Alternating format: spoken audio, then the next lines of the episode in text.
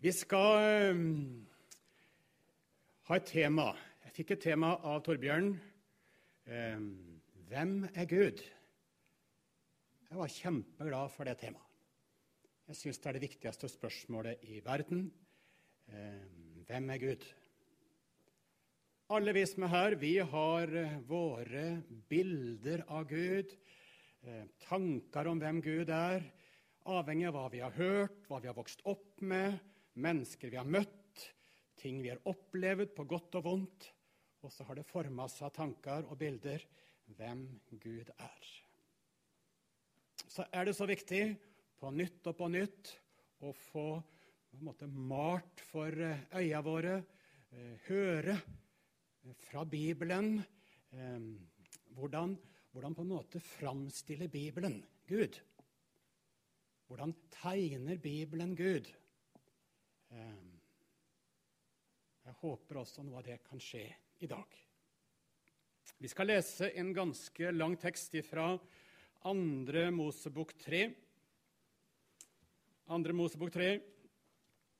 Vi holder akkurat på med det samme i eh, starten på bibelskolen her. Vi skal ha om det første budet. Og da er også spørsmålet hvem er den Gud som har gitt oss det første budet, og som sier 'Du skal ikke ha andre guder enn meg'. Ja, hvem, hvem Gud er det som sier det? Andre Mosebok 3.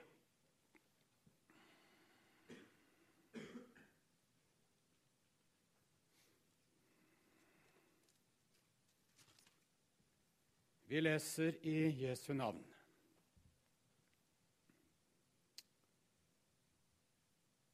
Moses gjette kjøpte småfe hos Jetro, sin svigerfar, presten i Midian. En gang drev han småfe bortom ørkenen og kom til Guds berg, til Horeb. Der åpenbarte Herrens engel seg for ham i en flammende ild midt ut av en tornebusk. Moses så opp og se, tornebusken sto i lys lue, men tornebusken brant ikke opp. Moses sa, 'Jeg vil gå bort og se dette underfulle synet, at tornebusken ikke brenner opp.' Da Herren så at han kom bort for å se, ropte Gud til han midt ut av tornebusken og sa, 'Moses, Moses!' Og han svarte, 'Ja, her er jeg.' Da sa han, 'Kom ikke nærmere. Dra dine sko av føttene, for det sted du står på, er hellig grunn.' Så sa han, 'Jeg er din fars Gud, Abrahams Gud, Isaks Gud og Jakobs Gud.' Da skjulte Moses sitt ansikt, for han fryktet for å se Gud. Og Herren sa, 'Jeg har så visst sett mitt folks nød i Egypt.' 'Jeg har hørt deres klagerop over slavefogdene, og jeg vet hva de lider.' 'Nå er jeg steget ned for å utfri dem fra egypternes hånd.' Jeg skal føre dem opp fra dette landet til et godt og vidstrakt land, et land som flyter med melk og honning. Det er det landet hvor kanoneerne bor, og hetittene og amorittene, ferisittene, hevittene og jebusittene. Israels barns skrik har nå nådd opp til meg. Jeg har også sett hvordan egypterne mishandler dem. Gå av sted. Jeg sender deg til farao. Du skal føre mitt folk, Israels barn, ut av Egypt. Men Moses sa til Gud, 'Hvem er jeg? At jeg skulle gå til farao?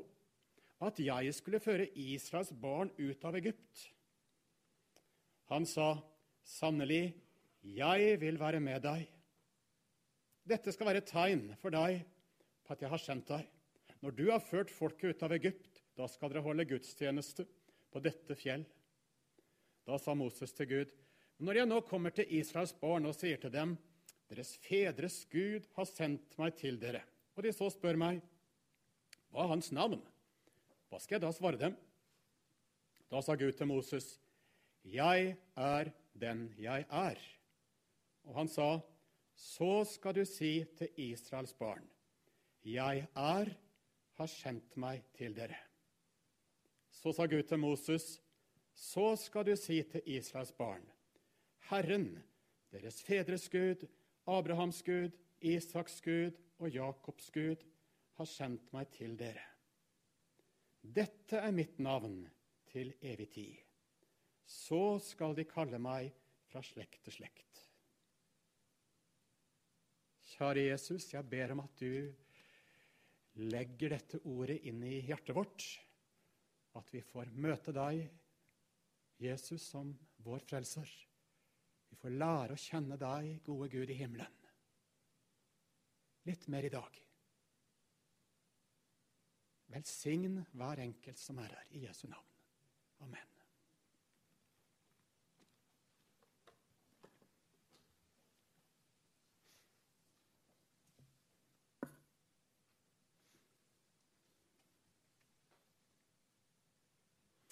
Jeg tenker som så at dette spørsmålet, 'Hvem er Gud?', det er det et av de aller, aller viktigste spørsmåla i, i livet, i Bibelen. Og det er akkurat det som djevelen ønsker å forvrenge, ødelegge, i livet vårt. At vi skal ha et annet bilde av Gud, en annen oppfatning av Gud, enn det som vi møter her. Vi nevner noen eksempler. Vi husker fra Edens hage. Gud hadde skapt menneskene. Skapt alt fullkomment godt. Og Gud hadde skapt dem som mann og kvinne. Fantastisk flott. Skapt av hele skaperverket, naturen. Så skulle menneskene stelle med dette, alt dette skaperverket og fryde seg der og dyrke det og legge det under seg. Eh, og så kunne de få lov å spise av alle trærne i Edens hage. Nå skal dere få lov å leve her. Og så eh, satte Gud ei grense, for det var ett tre de ikke skulle spise av. Eh, treet til kunnskap om godt og vondt. Hvis dere spiser av det, så kommer du til å dø. Og Så kommer djevelen, og så sier han har Gud virkelig sagt at dere ikke får spise av noe tre i hagen? For en forvrengning av på en måte gudsbildet som han prøver på. Gud som hadde gitt dem på en måte alt godt. Og så kommer djevelen og sier at ja, Gud i himmelen han lar dere ikke få lov til noen ting. Han gjør det så vanskelig for dere. Dere får ikke lov til noen ting. Gud ønska på en måte å gi dem på en måte alt godt. Og Så sier djevelen Gud han er bare vond. Han, han unner dere ikke noe godt. Den stemmen kommer inn i tankene dine om Gud gang på gang. Gud vil bare ødelegge livet ditt. Du får ikke lov til noen ting. Det er bare forbud. Det er bare hindringer. Det er bare vondt. Den fristelsen, den kommer der.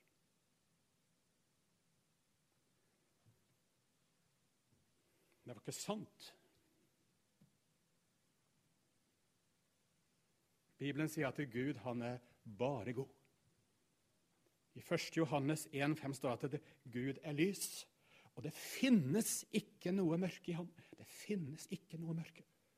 Gud er bare lys, bare god.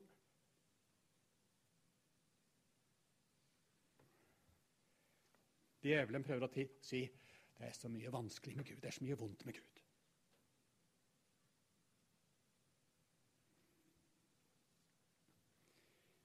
Videre prøver djevelen også å gjøre Gud liten og ufarlig. For han sier det at om dere spiser av det treet der Dere kommer ikke til å dø. Det går bra. Det skjer ikke noe galt. Om han har sagt det, det, det betyr ikke noe. Han prøver å gjøre Gud liten og ufarlig.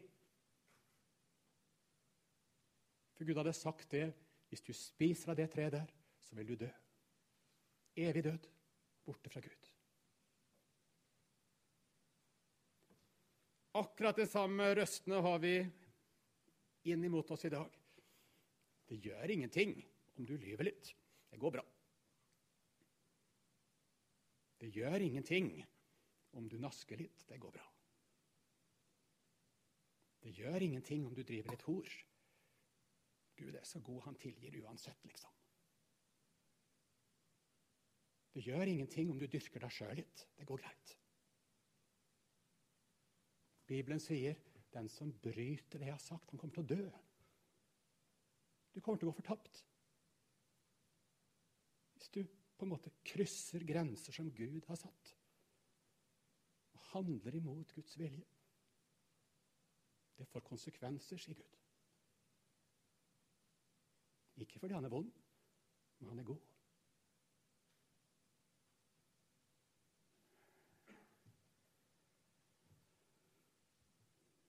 Djevelen prøvde også å si har Gud virkelig sagt er det, er det så sant, det han sier? Er han å stole på? Sier ikke Gud veldig mye forskjellig i Gamle testament og Nye testament? Og det, om det er Paulus eller Jesus eller Gud Det, det står så mye forskjellig. Er, han helt å stole på? Har Gud virkelig sagt? Og så sier Gud at han er sannheten. Han er ordet. Han er den han er. Jeg er den jeg er, sier Gud. Han er den samme. Han er evig. Han, han er å stole på. Han er, han er den han er hele tida.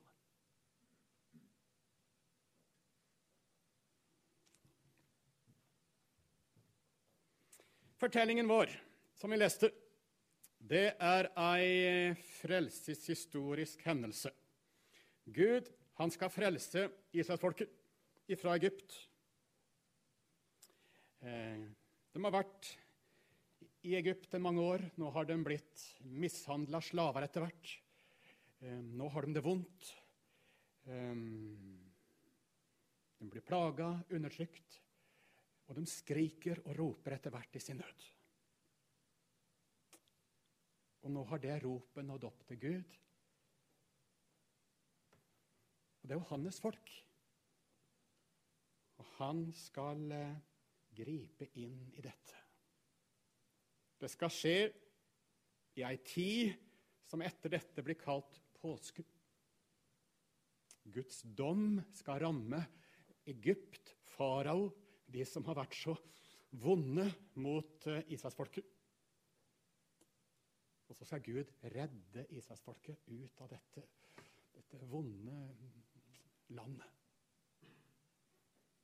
Det skal slaktes et lam som skal strykes blodet på dørstolpene i huset dersom folket bor. Og så skal Guds dom ramme Egypt, men ikke de husene hvor det er blod på dørstolpene. Og så skal Guds folk reddes ut og får begynne å gå hjemover til hjemlandet sitt.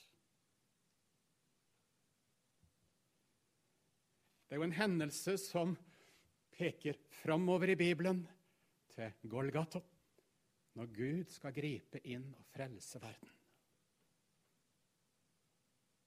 Den første påska peker fram mot den andre påska.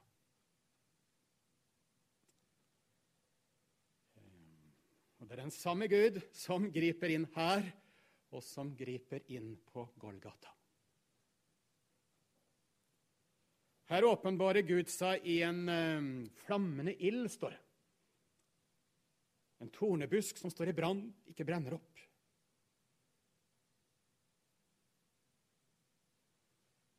Det peker nok framover på den på en måte ilden som brenner på Golgata.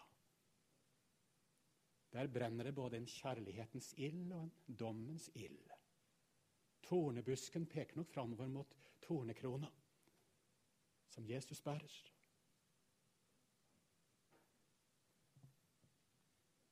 Vi får se noe av hvem Gud er i denne fortellingen. Han kommer som en Herrens engel, står det.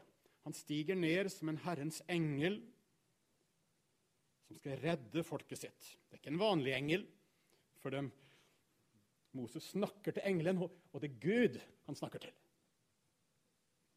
Så denne engelen Vi må kunne si at det, det er Jesus han møter her i Det gamle testamentet. En Herrens engel som stiger ned til å frelse Egypt. Nei, frelse Israel fra Egypt.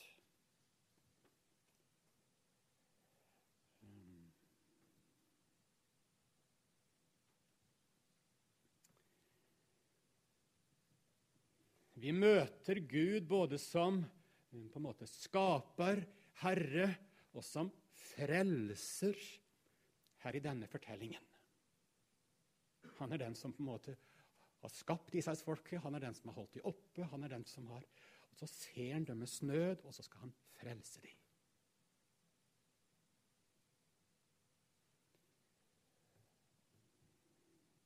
Hvem er Gud? Han er en treenig Gud. Han er skaper, frelser og livgiver. Er det tre guder? Er det tre guder? Kjempevanskelig. Nei, det er ikke det. Det er bare én Gud. Hør, Israel. Herren vår Gud, han er én. Tre personer. Ja, det sprenger min lille hjerne. Tre personer. Én Gud. Han åpenbarer seg som, som skaper, som fader. Og så åpenbarer han seg som, som frelser, som sønn. Og så åpenbarer han som, Den hellige ånd, som skaper liv og skaper tru og forklarer Jesus for oss.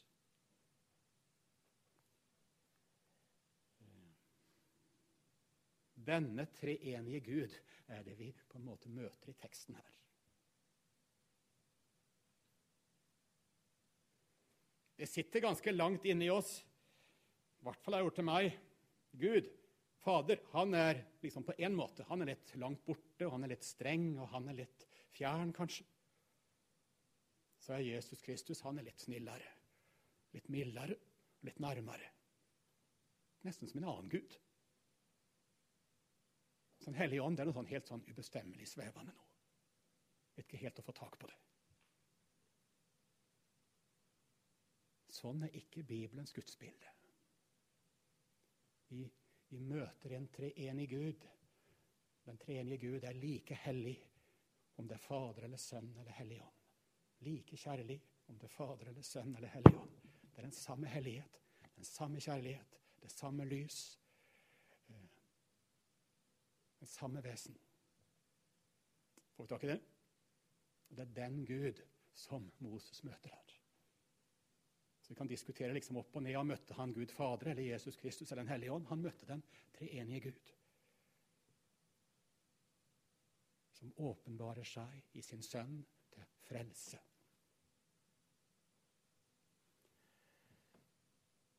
Og han er alltid den samme for han sier, 'Jeg er den jeg er'. Det er navnet hans. Jeg er den jeg er.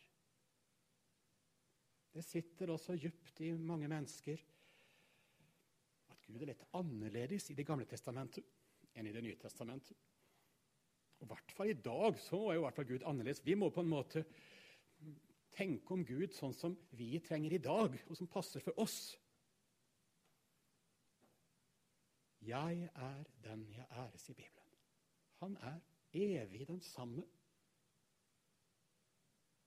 Han er fullkomment den samme i Det gamle testamentet, i Det nye testamentet, i går og i dag den samme, ja, til evig tid. Og så får vi se på en måte ulike deler av dette bildet gjennom Bibelen. Vi ser ikke alt med en gang.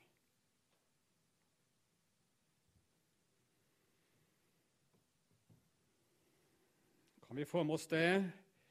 Gud er en treenig Gud, det samme vesen i hele guddommen. Han er alltid den samme fra han skaper verden. Han skapte det ved sin sønn. Ved ham og til ham er alt skapt. Og han, han skal fullføre det i evighet. Og han er den samme hele tida. Jeg er den jeg er.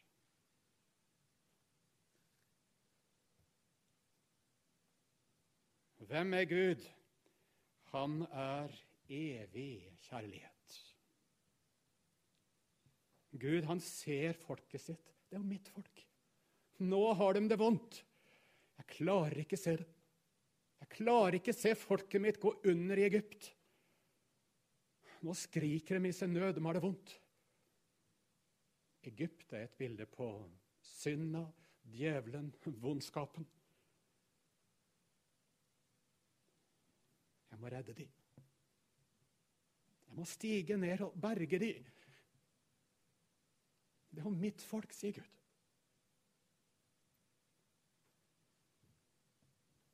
Dette folket det står om i Bibelen at de var ikke noe sånn spesielt snille. De var stolte, hardnakka, vrange, ulydige. Israelsfolket var ikke noe drømmefolk. Det er ikke i dag heller. Men Gud elsker dem. Gud elsker dem. Det er hans folk. Han kan ikke la folket sitt gå fortapt. Da er det kjærligheten som brenner i Guds hjerte. Jeg må redde dem. Jeg må stige ned og redde dem. Og Da må det ofres noe, slaktes noe, som kan ta på en måte dommen over all vondskapen som de har havna i. Det må slaktes et lam, strykes blod på dørstolpene. Og så kan på en måte dommen ramme der. Og alle som kryper inn i disse husene her, så, så går dommen forbi.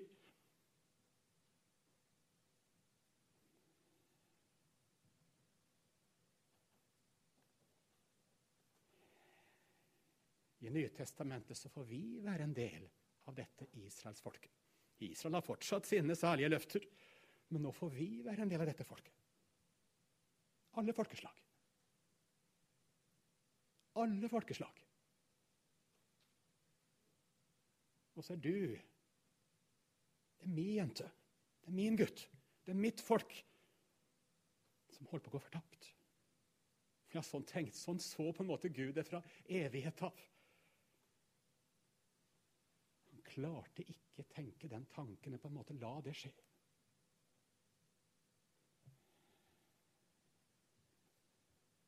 Gud har sin egen frie vilje, så på en måte bestemmer han. Jeg må, jeg må gjøre noe, jeg må gripe inn, jeg må stige ned. Jeg må komme ned til verden for å frelse dem. Her kommer han ned gjennom en Herrens engel. Og så kommer han ned gjennom sin sønn, som fødes av jomfru Maria lite barn vokser opp, skal leve det livet som menneskene skulle leve, og aldri klarer. Å ta den dommen som ligger over hvert enkelt menneske, og som alle fortjente.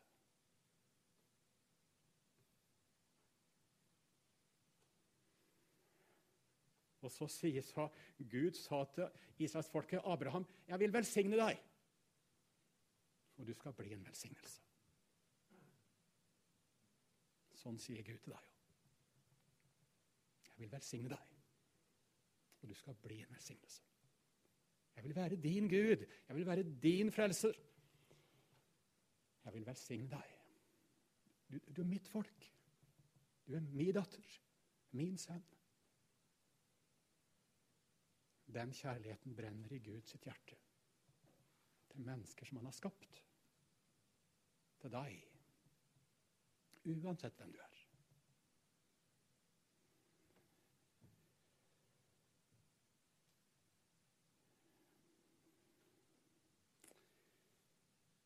Hvem er Gud? Jo, jeg har lyst til å si det så sterkt som en kan. Han er brennende kjærlighet. Det er hvert eneste menneske han har skapt. Jeg tror ikke alltid det. Jeg stoler ikke alltid på det. Jeg tror ikke han kan elske meg hele tida. Men Bibelen sier at han gjør det. Med evig kjærlighet har jeg elska deg. Med evig kjærlighet. Jeg fatter ikke.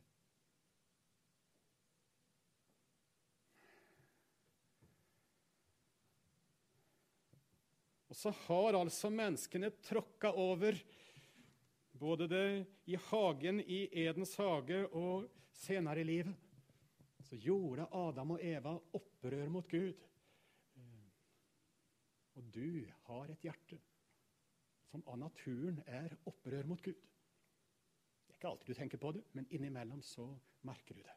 Og kommer du nær Jesus, nær Gud, så merker du det ekstra godt. Peter han sa det at når han kom på en måte nær Jesus og fikk merke på en måte hvor god Jesus var, hvor god Gud var Vi må gå fra meg, Jesus. Jeg er en syndig mann. Jeg kan ikke være sammen med deg. Jeg passer ikke sammen med deg.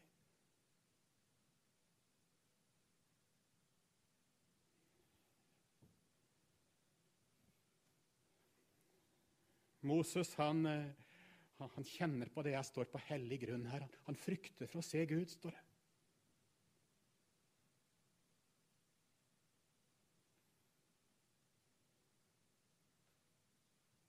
Hvem er Gud? Han er hellig, ren, fullkommen. Fordi han er det, så må han også straffe synd. Så reagerer han med vrede og dom over vondskap, utroskap, avgudsdyrkelse, hor, løgn osv. Gud må reagere på vondskap. Det kan ikke være noe urent i nærheten av den rene, hellige, gode, fullkomne Gud.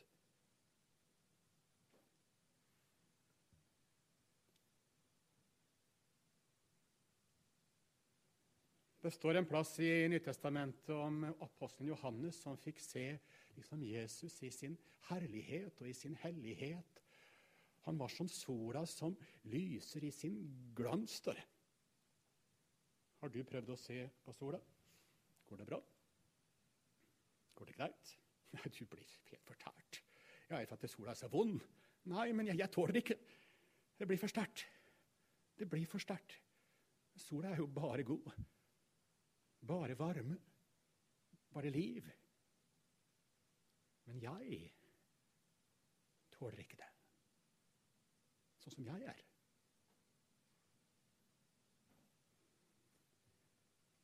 Og Her møter vi også denne sida med på en måte Guds vrede. Det er ikke noe vond side med Gud. Vi må ikke tenke sånn at Gud har liksom ei lys side, det er kjærlighet, og så har han ei mørk side, det er vrede. Så det er viktig å være på den lyse sida, ikke på den mørke sida. Det er ikke sant. Gud er bare lys, bare god. Men i det lyset, det er noe av helligheten som reagerer på skitten, vondskapen. Han må reagere. Han kan ikke tåle det. Han kan ikke godta at du lyver. Han må reagere på det. Han kan ikke godta at du driver hor.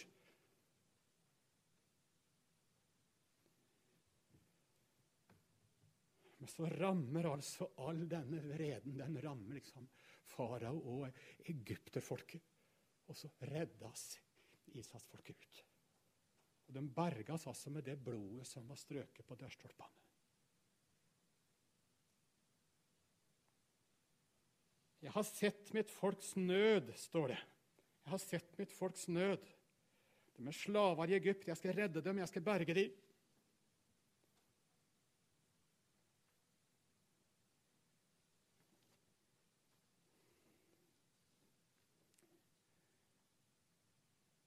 Jeg tenker jo det at Når jeg sitter aller mest fast i ei konkret synd, en ting jeg ikke klarer å slutte med, som jeg vet er galt Om det er i tankene mine, ordene mine, gjerningene mine Men jeg er aller mest bundet ah, Jeg kan ikke være en kristen. Jeg kan ikke være en kristen. Jeg kan ikke være en kristen sånn som jeg er. Og Det er jo så sant, for Gud vil jo straffe synd. Han må det. Men samtidig så elsker Gud deg så høyt. Jeg ser nøden. Jeg, jeg ser hvor slaver Israel er i Egypt. De er helt bundet fast der. Jeg skal redde dem. Jeg skal fri dem ut. Jeg skal berge dem.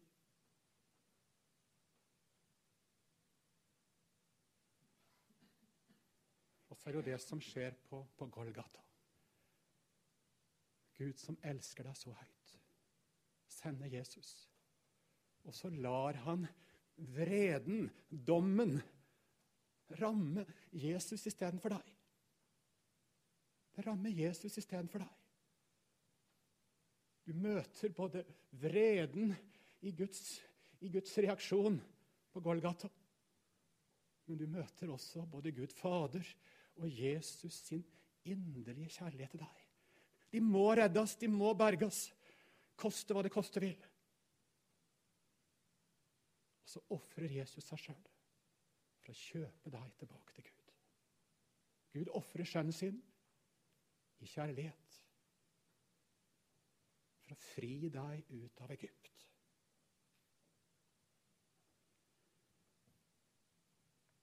Gud stiger ned. Han ser folket sin nød. Han kan ikke la det være. Jeg ser folket mitt sin nød, og så, så kommer Jesus, og så frelser, så griper Gud inn.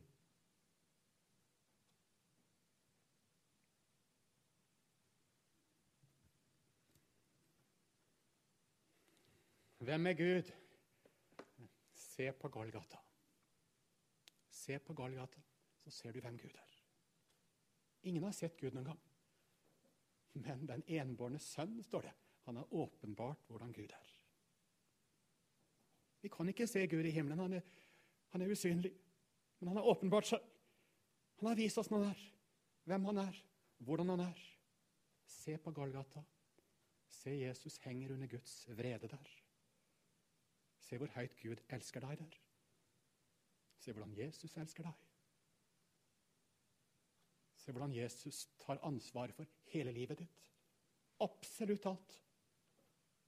Og redder deg ut fra Egypt, og så får du begynne å gå hjemover til Kanans land.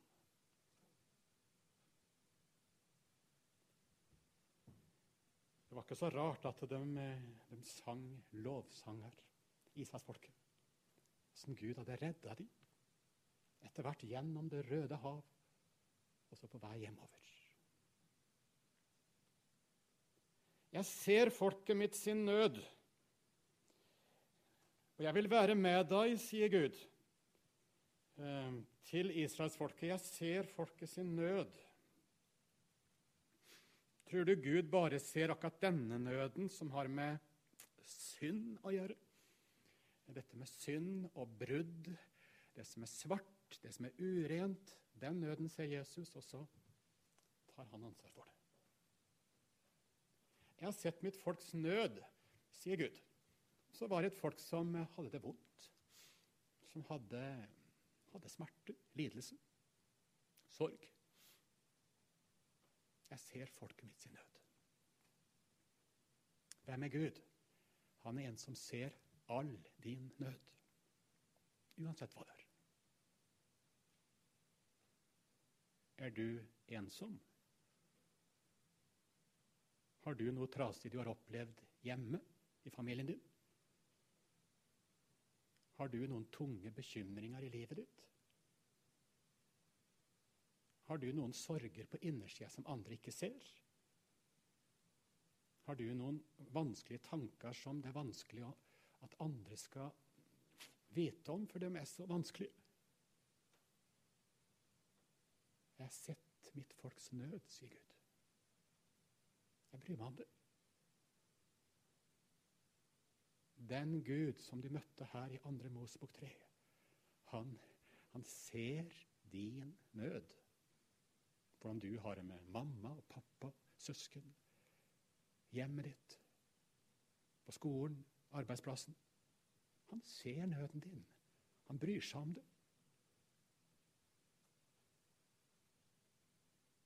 Sånn er den Gud som vi møter i Bibelen. Han som kjøpte deg fri fra den verste dommen. Han ser også din på en måte daglige nød.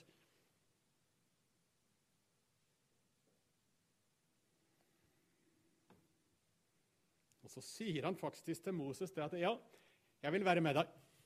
Jeg vil være med deg. Han vil gå med Moses og Israelsfolket. Han vil lede dem gjennom, gjennom eh, ørken, hjem til landet. Og det kommer til å bli en autostrada så brei og fin som de bare kan storme fram på. Og så er det bare et par timer, så er de, så er de hjemme.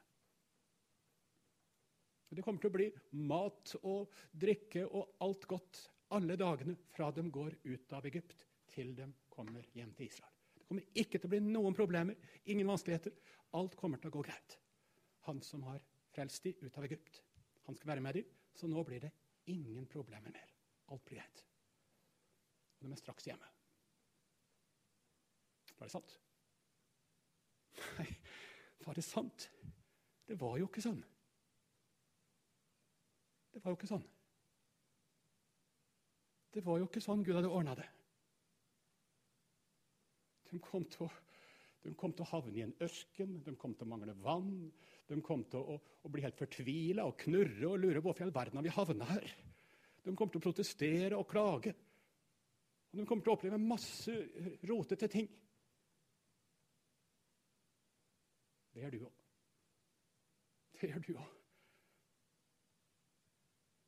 Men Gud, Jesus, han vil være med deg. Den Gud i himmelen som har frelst deg, som har steget ned til deg, han ville være med Israelsfolket hjemover til Egypt. Gjennom ørken, gjennom trengsel, gjennom tøffe dager. Gud lovte de ikke kjempelette dager, og så blir alt greit. 40 år. Knall. Ja, kjempelenge.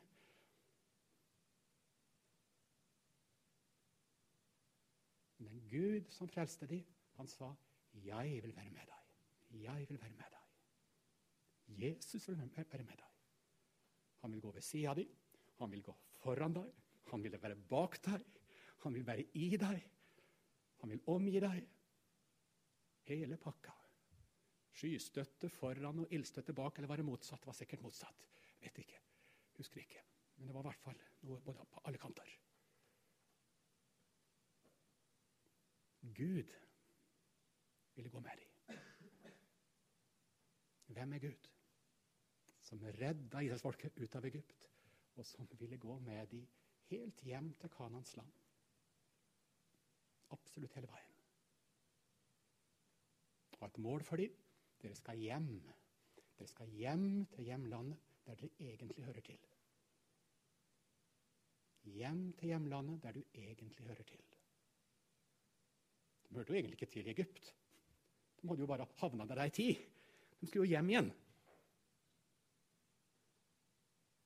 Du skal hjem. Hjem til Gud. Hjem til Jesus. Det er dit han vil føre deg. Jeg vil være med deg. Og så sier han til Moses nå skal du, nå skal du ta og så, eh, føre folket ut av Egypt. Nå er det deg jeg vil bruke. Nå skal du gå til farao og gi beskjed, og så skal du lede folket. Nå skal du bli brukt av meg. Så svarte Moses det. Ja, det skal jeg klare. Det er ingen problem. Det går greit. Svarte han det? Nei.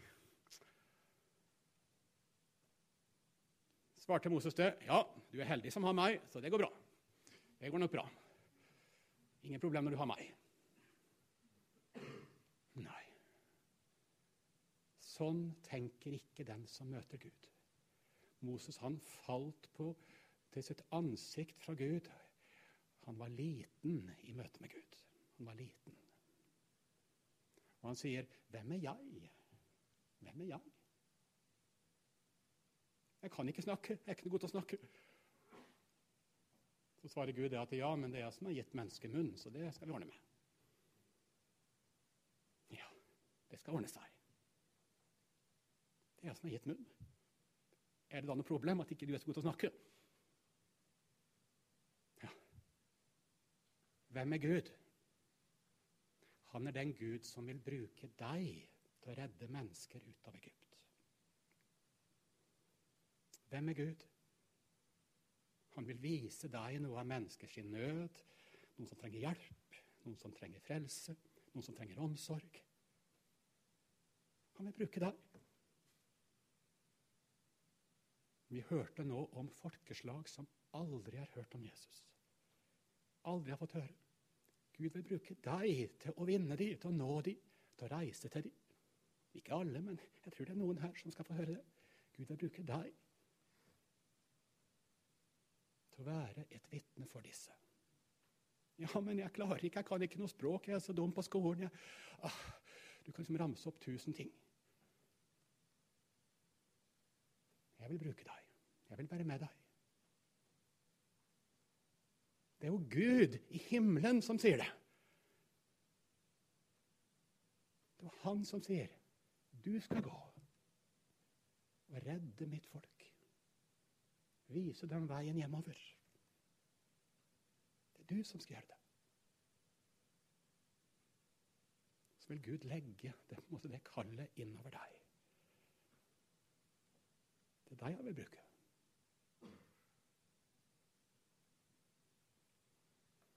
I Tromsø og ut til enden av jorda.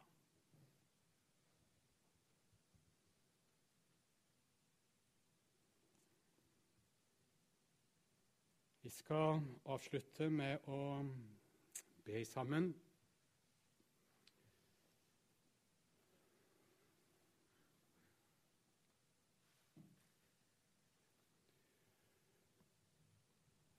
Kjære Jesus, kjære gode Gud. Takk at du er god. Takk at du er lys. Du er hellig, kjærlig, bare lys. Ikke noe mørke i deg. Hjelp meg å tro det, holde fast i det. Hjelp meg å skjønne alvoret med å, med å bryte dine bud. Hjelp meg å skjønne alvoret med synd, med opprør, med umoral, med utroskap, med avgudsdyrkelse, med løgn. Kjære Jesus, må du frelse meg, tilgi meg. Takk at du har tatt all synd på deg. Det mest djevelske livet mitt er du tatt på deg. Og så har du senka det i nådens hav, i glemselens hav. Takk at du har stått opp igjen jeg får et nytt liv i trua på deg, og så vil du være min frelser, være min Gud.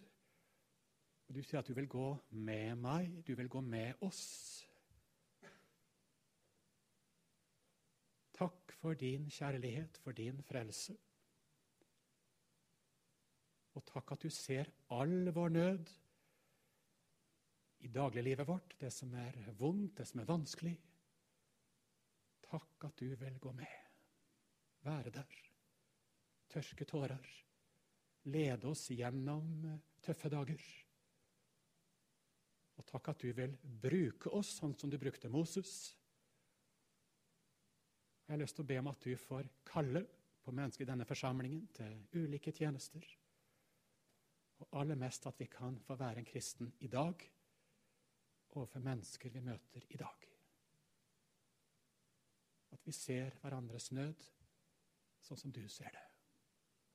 At vi kan få vise din godhet sånn som du viser oss det.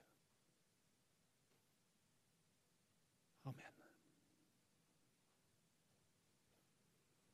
Jeg fikk spørsmål om jeg kunne liksom gi to oppgaver etterpå som dere kan liksom ta med dere, eller to ting eh, som dere kan ta med dere neste uke. Det var ikke så lett. Vi har funnet to ting. Punkt én. I uka som kommer, så kan du tenke på og takke for hvem Gud er. Tenke på og takke for. Det er masse vers i Bibelen som på en måte priser Gud for alt han er. Du kan tenke på og takke for alt det Gud er. Alt det han har gjort, alt det han er. Punkt to. Du kan få være en liten Moses som skal hjelpe mennesker som er i nød. Du skal få være en liten Moses. Jeg er helt sikker på at du treffer noen, du òg, som er litt sånn i Egyptens uh, nød. Du skal få være en liten Moses. Kanskje stor Moses. Jeg vet ikke. Hm. Ja, tenk på det.